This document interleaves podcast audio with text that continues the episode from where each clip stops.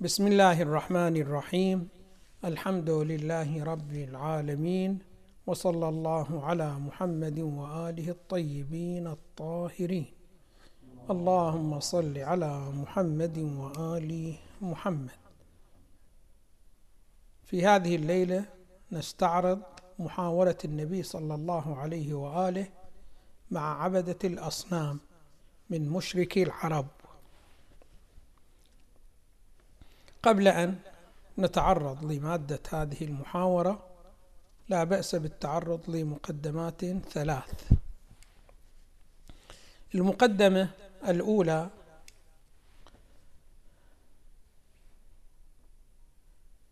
ظاهرة التحريف في حياة الإنسان منتشرة جدا بحيث تتعجب عندما ترى بأنه أهل الشرك عندهم تحريف في مذاهبهم وفي اعتقاداتهم. نفسها شنو هذا الأصل تحريف عن الواقع ثم هذا التحريف أيضا تعرض لتحريف وهكذا هذا التحريف أيضا تعرض إلى تحريف. بهي الصورة كما سنذكر. وهكذا عندك شنو هذا الجهات التي هي تنتسب إلى المذاهب الصحيحة أو المذاهب الحقة. أيضا لا تخلو من تحريف ما. فشوفوا شنو ماذا في الأساس. أهل الشرك كانوا يتوجهون إلى بعض الملائكة ويعبدونها عن الله سبحانه وتعالى. ثم فيما بعد استصعبوا التوجه إلى الملائكة فقالوا نصنع لها تماثيل. فهذا الصنم يمثل فلان ملك وهذا الصنم يمثل فلان فلك ملك. ثم فيما بعد توجهوا لهذه الأصنام وانشغلوا عن الملائكة الذي كانوا يتوجهون لهم شو ماذا بالأصل. فلاحظوا هنا بأنه أساس اتخاذ العبادة لغير الله سبحانه وتعالى هو تحريف عن الواقع الخارجي وعن الحقيقة ثم نفس هذا التحريف أيضا خضع لتحريف آخر. وجهوا عبادتهم شنو ماذا؟ إلى الأصنام من دون الملائكة كما أنه كانوا يعبدون الملائكة من دون الله سبحانه وتعالى. فتلاحظون مع أنه أساس الفكرة هي خاطئة حتى الخاطئة تعرضت إلى شنو ماذا؟ إلى تحريف آخر بهذه الصورة. فعلى أي حال راح يتضح هذه المسألة أكثر عندما نتعرض إلى المادة الحوار التي نأتي بها هذه الليلة. الأمر الثاني القاعدة الثانية أن الله سبحانه وتعالى قد يأمر ببعض النسك وبعض العمل الصالح عند شيء معين. مثلا يأمرك أن تطوف بالبيت فتوجد الطواف عند الكعبة. أو مثلا أمره للملائكة بالسجود لآدم. هذا شنو ماذا؟ الأمر وهذا السجود الذي يكون شنو ماذا لآدم أو الطواف شنو ماذا عند البيت؟ هل هذا العمل يعد عبادة للبيت أو السجود لآدم يدل على عبادة لآدم نفسه أم لا؟ نقول هنا المهم في هكذا شيء أنه إذا تساءلت أنت لما أنا أسجد لآدم؟ ما هو الجواب؟ تقول لأن الله أمرني بالسجود. هذا معناه أن سجودك لآدم ليس عبادة لمن؟ لآدم. وإنما هو عبادة لله سبحانه وتعالى. أو عندما تطوف بالبيت لا يعد عبادة للبيت نفسه. لماذا؟ لأنه عندما تسأل لما تجيب لأن الله سبحانه وتعالى أمرني بالطواف عند البيت. أو مثلا قال لك شنو ماذا؟ الله سبحانه وتعالى احترم أباك. فأنت عندما تحترم شنو هذا الأب. هل هذا عبادة للأب؟ يقولون لا. لماذا؟ لأنه عندما تسأل لما أحترم أبي مباشرة يأتي الجواب لأن الله سبحانه وتعالى جعل هكذا وظيفة شرعية. فإذا في الواقع هذه الأمور ليست عبادة لغير الله إذا كانت استجابة لأمر الله سبحانه وتعالى. هذه شنو ماذا؟ مسألة المسألة شنو ماذا؟ الثالثة. كثيرا ما الإنسان عندما الله سبحانه وتعالى يأمره بتأدية التحية أو بتأدية الاحترام إلى شيء معين قلنا شنو ماذا في الأصل؟ ليس بعبادة لهذا الشخص وليس شنو ماذا بعبادة لهذا الأمر المعين. ولكنه في بعض في بعض الأحيان قد يبالغ الإنسان ويغالي في هكذا شيء. هذا بعد شنو ماذا؟ راح يتحول في الواقع من ماذا؟ من عبادة الله لعبادة هكذا شخص من الأشخاص. مثلا لو فرضنا بهذه الصورة بهذا النحو. أنه فرضنا بأن الله سبحانه وتعالى أمرك أن تتبع العالم الفلاني. خب أمرك أن تتبعه شنو ماذا؟ في اعتقاده وفي سلوكه العملي فقط. أنت عندما تأتي وتقدس هكذا شخص تقديس الله سبحانه وتعالى ما سمح لك بهذا النحو من الأنحاء. وبحيث شغلك عن التوجه إلى الله سبحانه وتعالى هذا بعد يعد عبادة شنو؟ هذا لغير الله سبحانه وتعالى. فعندنا مشكلة جدا كبيرة أن الإنسان كثيرا ما يقدس الوسيلة والطريقة على حساب شنو؟ ماذا على حساب المقصد. وهذا أمر شنو؟ هذا الشرك يعني يخرج الإنسان من عبادة الله إلى عبادة هكذا وسيلة. مثل الآن إحنا عندنا شنو؟ هذا ظاهرة الغلو في الأئمة سلام الله عليهم. يعني ما هو ظاهر الغلو؟ الله سبحانه وتعالى قال لك اتبع الإمام في معرفة العقائد التي يريدها الله سبحانه وتعالى منك كعبد لله واقتدي بالإمام في الأعمال التي يعملها. فانها تقربك لله سبحانه وتعالى. أما أنك تأتي وتصب جل اهتمامك على الشخصية بما هي شخصية. يعني ما تنظر إليها شنو؟ ماذا من دائرة أنها قدوة وأنها كاشفة لك عن ما يريده الله سبحانه وتعالى. لا وإنما تصب الأمر شنو؟ ماذا عليه نفسه هو. مثلا كان شنو؟ ماذا جل بحثك تصب على شنو؟ ماذا على حياته الشخصية على هويته الشخصية. عنده كم ولد؟ عنده كم زوجة الظروف التي تزوج فيها الظروف التي أنجب فيها الأولاد الظروف التي ربى فيها الأولاد من غير أنه يكون لك مقصد فيما يقربك من الله سبحانه وتعالى. لا مو بهذا الشيء. بل قد يشغلك عن شنو؟ ماذا عن الأمور المرتبطة بالله سبحانه وتعالى. مثلا شخص من الأشخاص يقضي حياته في معرفة أولاد فلان وزوجات فلان والظروف الجغرافية والظروف التاريخية التي عاشها وإلى آخره ويهمل ما قاله الإمام من الأمور التي تدل على التوحيد وتدله على الله سبحانه وتعالى بهذه الصورة بهذا النحو. يقولون هذا شنو؟ ماذا غلو في هذه الشخصية؟ باعتبار أن الشخصية هذه إنما جعلت شنو؟ ماذا؟ إمام.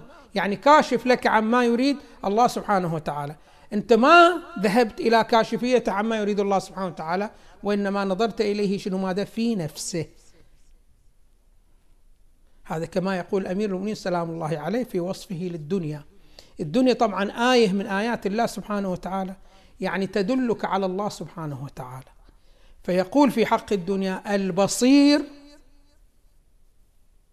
من أبصر بها. وليس البصير من أبصر إليها. شوفوا كلام أمير المؤمنين جدا شنو هذا دقيق. البصير هو الذي شنو ماذا تنقله الدنيا إلى شنو ماذا إلى الله سبحانه وتعالى. هذا شنو ماذا بصير؟ لأنه أبصر بالدنيا. جعل الدنيا شنو ماذا متمحضة في الوسيلة. أما شنو ماذا الأعمى هو الذي ماذا؟ الذي أبصر إليها جعلها هي المقصود. وهي الهدف. فحول الوسيلة إلى شنو ماذا؟ إلى الهدف. هذا شنو ماذا الذي يكون شنو ماذا عندنا؟ الله سبحانه وتعالى بعض الأحيان شنو ماذا؟ يقول لك شنو ماذا؟ بوسيلة معينة. وسيلة أنت تقول وسيلة. وسيلة يعني ماذا؟ يعني كاشفة عن شيء وراءها. ولكن أنت تأتي وتصب الأمر كله عليها وتعتني بها هذا بعد يكون شنو ماذا؟ من الشرك. لابد أن تلتفت إلى هكذه المسألة هكذا مسألة. فالله سبحانه وتعالى قال لك اربط ارتبط بهذه الشخصية. ولكن ارتبط من خلال شنو؟ هذا الشيء معين. لا تزايد على هذا الشيء فإنك تبتلي بالغلو. هذه المقدمات الثلاث حتى تتضح بصورة واضحة. محاورة النبي صلى الله عليه وآله. التفت النبي إلى عبدة الأصنام من دون الله. فقال لم عبدتم الأصنام من دون الله؟ قالوا نتقرب بها إلى الله سبحانه وتعالى. قال النبي صلى الله عليه وآله أهي تسمع وتعبد الله؟ مثل ما تعبدون قالوا لا. قال النبي صلى الله عليه وآله أنتم نحتموها قالوا نعم. قال النبي فهي أولى بعبادتكم من أن تعبدوها. لابد أن تنحتونها وهي لا تعلم وأنتم تعلمون. فهي أولى بعبادتكم لو أنتم أولى بعبادتها هي أولى شنو ماذا بعبادتكم؟ إذا كان شنو ماذا بهذه الصورة.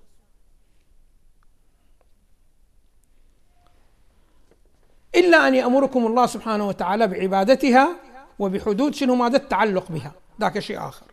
أما إذا فرضنا الله سبحانه وتعالى ما أمركم واضح شلون؟ فليس لكم شنو ذلك؟ عند ذلك شنو ماذا؟ اختلفوا. هؤلاء عبدة الأصنام. اختلفوا على ثلاثة أنحاء. نحن قالوا نحن نعبدها لأنها ترمز إلى بعض القديسين. هي أساسا نظرية الشرك بدأت من هكذا شيء. هم كانوا يرون شنو هذا الملائكة هي التي تستحق العبادة ولكن لصعوبة التوجه للملائكة صنعوا لها شنو؟ ماذا تماثيل بهكذا صورة وبهذا النحو. فالفرقة الأولى قالت بأنه نحن نعبدها لأنها ترمز إلى بعض القديسين من الملائكة وإلى آخره أو قديسي البشر. ثم برروا ذلك قالوا لأن الله عندما نعبدها لأنه يعبدها أولئك وأولئك حل الله فيهم. حل الله شو ماذا في الملك أو حل في القديس من قديس البشر. فصار وجوده وجود مبارك وجوده وجود شنو؟ ماذا الشريف. فلذلك نحن شنو؟ ماذا؟ نعبدها لهذه الحيثية وهذا الأمر.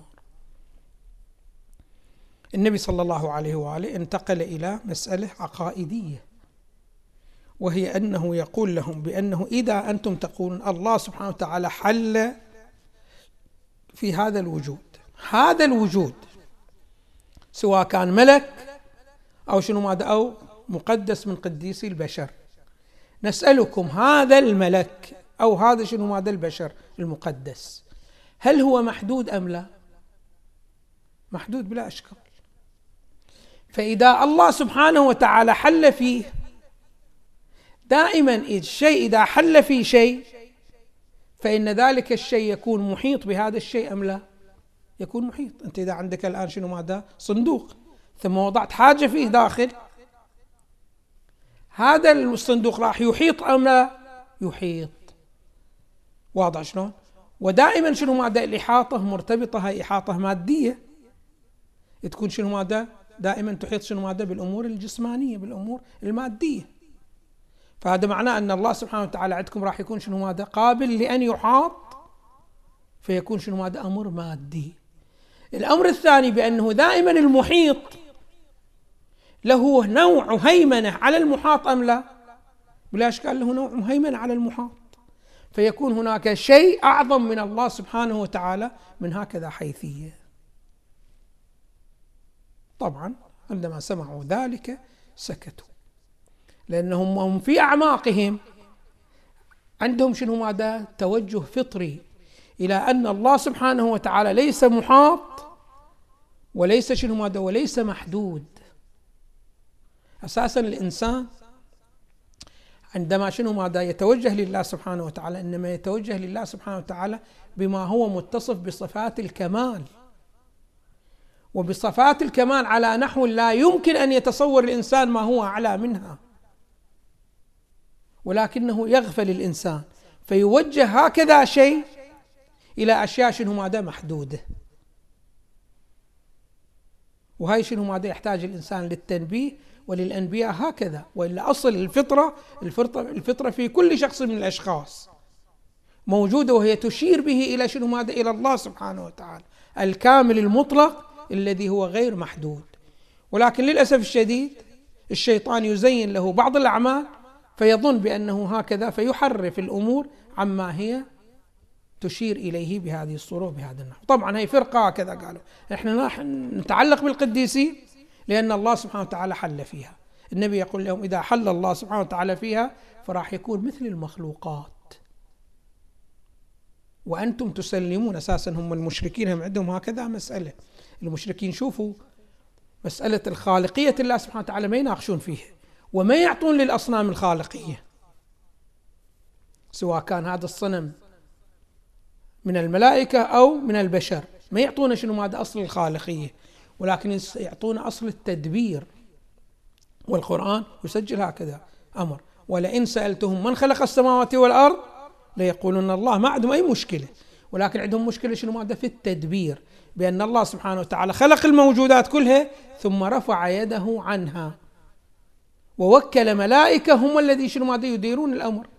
فقالوا نحن إذا نرجو خير ما نرجوه من الله سبحانه وتعالى لأن الله سبحانه وتعالى بعد خلقنا رفع يده عنا. وإنما نرجوه ممن؟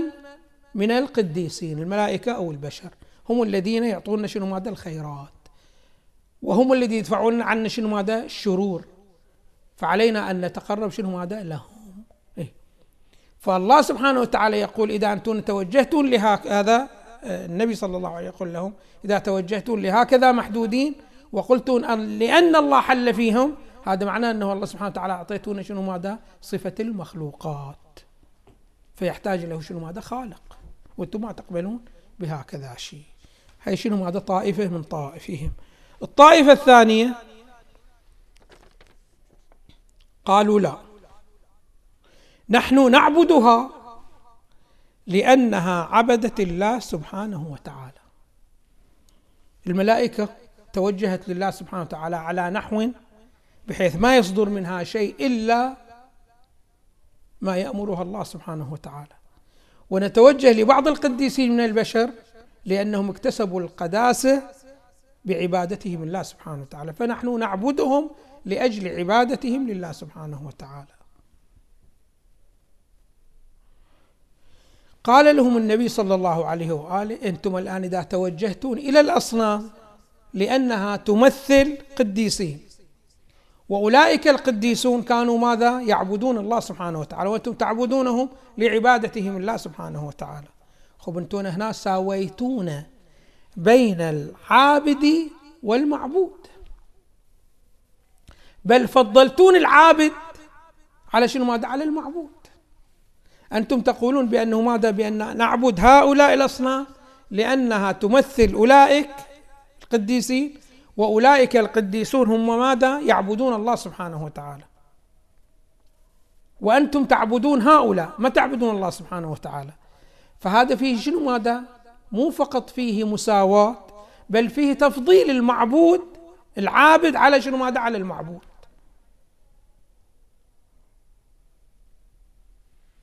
فأولئك عبدوا وهذا أمر شنو هذا جيد فيهم ولكن أنتم عبادتكم لهم واشتغالكم بهم. ليس شنو هذا؟ ليس بأمر جيد. مثل أنت الآن لو فرضنا أنه شخص من الأشخاص من الواحد من العلماء الكبار جدا كان يعبد الله سبحانه وتعالى. وأنت تركت الله سبحانه وتعالى وتوجهت إلى هذا بالعبادة وإلى اخره بهي الصورة. خب هو اولا هذا الذي تتوجه ليجيز لك أن تعبده هو وتوجه له من غير الله؟ قطعا شنو ماذا له؟ إضافة إلى أنه شنو ماذا؟ هو توجه إلى الله سبحانه وتعالى وعبادته إلى الله سبحانه وتعالى إنما لأمر من الأمور. هو عندما تسأله لما تعبد الله سبحانه وتعالى؟ لأنه يقول لك شنو؟ ماذا الخير والشر بيد من؟ بيد الله سبحانه وتعالى. خب الشر والخير إذا كان بيد الله سبحانه وتعالى هل هو بيد الله فقط في حقه هو أما في حق الجميع؟ قطعا شنو ماذا في حق الجميع؟ فما في مبرر أن تتوجهوا إلى من؟ إلى شنو ماذا إلى الذين عبدوا وتتركوا المعمود بالأساس وإلى آخره بهذه الطريقة بهي النحو هي شنو ماذا؟ الفرقة الثانية من هذه الفرق. الفرقة الثالثة قالوا بأنه نحن نعبد الأصنام. كما أنتم ينقضون على النبي صلى الله عليه وآله. كما أنتم تعبدون مكة وتعبدون الكعبة حين تطوفون بها.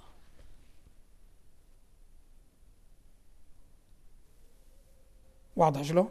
فإذا الإشكال يأتي علينا لتوجهنا للأصنام أيضا شنو ماذا يأتي عليكم؟ لتوجهكم للكعبة بهذه الصورة وبهذا النحو.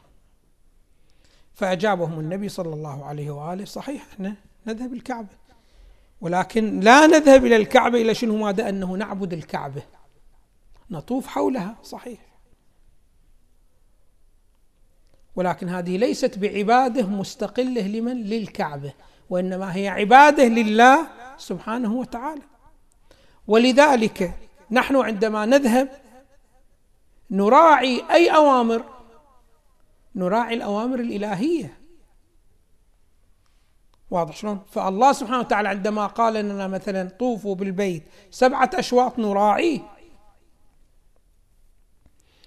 ثم تصرفاتنا مع شنو ماذا مع الكعبة. ما تكون شنو ماذا من منطلق أنفسنا إحنا وشهوتنا وإلى آخره. وإنما كل شيء نأتي به حول الكعبة إنما هو من أمر الله سبحانه وتعالى. فهذه في الواقع ليست بعبادة لمن؟ للكعبة. عبادة للكعبة لو إحنا من عندنا جبنا بأشياء ابتدعناها وابتكرناها وصنعناها هناك مما تصب في مصلحة بقاء الكعبة وإلى آخره به الصورة به الطريقة. وإن كان الله سبحانه وتعالى ما يوجهنا لهكذا أمر. أما إحنا إذا هناك لم نأتي بشيء إلا بأمر من الله سبحانه وتعالى وما انتهينا من شيء إلا شنو ماذا؟ إلا بعد أن نهانا الله سبحانه وتعالى. ففي الواقع هي ليست عبادة للكعبة وإنما عبادة لله سبحانه وتعالى. وهذه المسألة جاء بها أيضا شنو مادة هي المناقشة؟ وهذا النقد نقضه شنو مادة؟ إبليس. عندما عاتبه الله سبحانه وتعالى لما لم تسجد لآدم. واضح شلون؟ إيه؟ هذاك حاول شنو ماذا حاول يوجه السؤال إلى مسألة أخرى. إبليس شنو قال؟ قال أنا أولى به أن يسجد لي. فإنك أنت خلقته من طين وخلقتني أنا شنو ماذا؟ من النار. الله سبحانه وتعالى قال له شنو هذا؟ أنا أسألك لما لم تسجد يعني لما خالفتني. فلا تجعل شنو ماذا آدم شنو آدم شنو ماذا آدم في الوسط. أنا ما قلت لك اسجد شنو ماذا لآدم إلا باعتبار أن آدم قبله لك في السجود. مو أنه هذه القبلة شنو ماذا؟ هي لها السجود. آدم شنو ماذا؟ لم يكن له السجود أنت شنو ماذا؟ أنت خالفت أمر الله سبحانه وتعالى. فهذا راح يضر شنو ماذا؟ بتوجهك لله سبحانه وتعالى. وما يضر شنو ماذا؟ آدم. آدم أساسا ليس له في البين أي شنو ماذا؟ أي أهمية.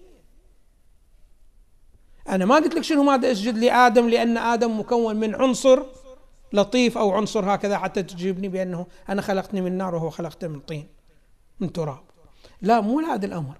وإنما أنا أمرتك أنا فعليك أن تستجيب لأمري. فإذا تخلفت فهذه مفردة من مفردات الشرك.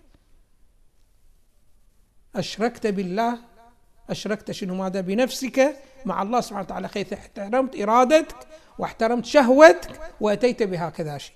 والمفروض عليك أن تحترم فقط إرادة الله سبحانه وتعالى. هي هذه العبودية وهي شنو هذا التوحيد في العبودية. واضح شلون؟ طبعا.